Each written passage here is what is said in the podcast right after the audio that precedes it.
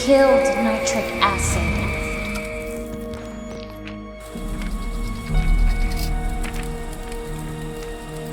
People love him as a hip hop star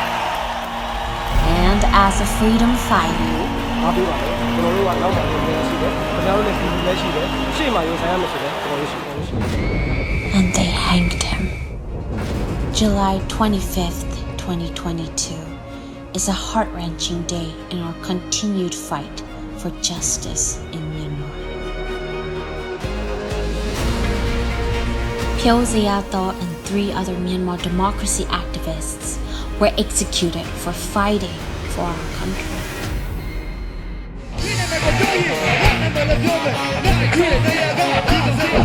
Nitric Acid was his nickname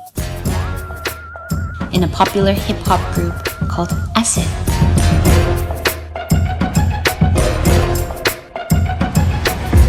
He also moved us with his actions as a politician, striving for a better Myanmar for his people. For us, he instilled in youth the thirst for freedom and the tenacity to overcome fear. Piozzi Yato stood up for the vision of democracy until his very last breath.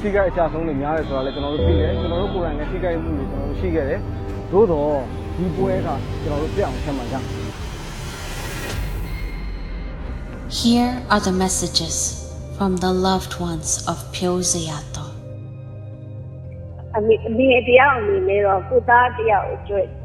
ဟိုအခုံးယူပါတယ်အမေသူအသက်တောင်ပြေးသွားတာပဲဟုတ်တယ်အန်ဒီကဖြစ်နိုင်ရင်ဟို dead body တို့အယိုးတို့ယူပြီးသူ့ကိုအာဆန်ကြီးဒိမ့်မိုင်ကြီးလိုပဲလုပ်ပြတင်တာပါအာဆီယံကိုပေါ့ international ကိုကျမပြောချင်ပါတယ်ကျမတို့မြန်မာနိုင်ငံမှာနေစဉ်နဲ့အမျှဒီလိုဖြစ်ပျက်နေတယ်။နာယီနဲ့အမျှလူတွေပြစ်တက်ခံနေရတယ်မတရားဖန်ဆီးခံနေရတယ်နှိပ်စက်ခံနေရတယ်ဒီလိုလူသက်အလောင်းဖြောက်မှုတွေအတွက်ဒီထပ်ပို့ပြီးတော့အ ရေးယူဆောင်ရွက်ဖို့မရှိတော့ဘူးလားလို့ကျမမေးချင်ပါတယ်။ကျမတို့အတွက်အစိုးရွားဆုံးအချိန်လူခွင့်ရေးချိုးဖောက်ခံရဆုံးအချိန်ကိုကြာရောက်လာပြီဖြစ်တဲ့အတွက်စစ်ကောင်စီကိုအမြန်ဆုံးအရေးယူဆောင်ရွက်ပေးဖို့ကျမအနေနဲ့ဆန္ဒထုတ်ဖော်ပါတယ်တောင်းဆိုပါတယ် Pyo Zayato represents the many political prisoners who are unjustly detained in prison and on death row in Myanmar, and the lives of the innocent lost to the cruel acts of Min Aung and his regime.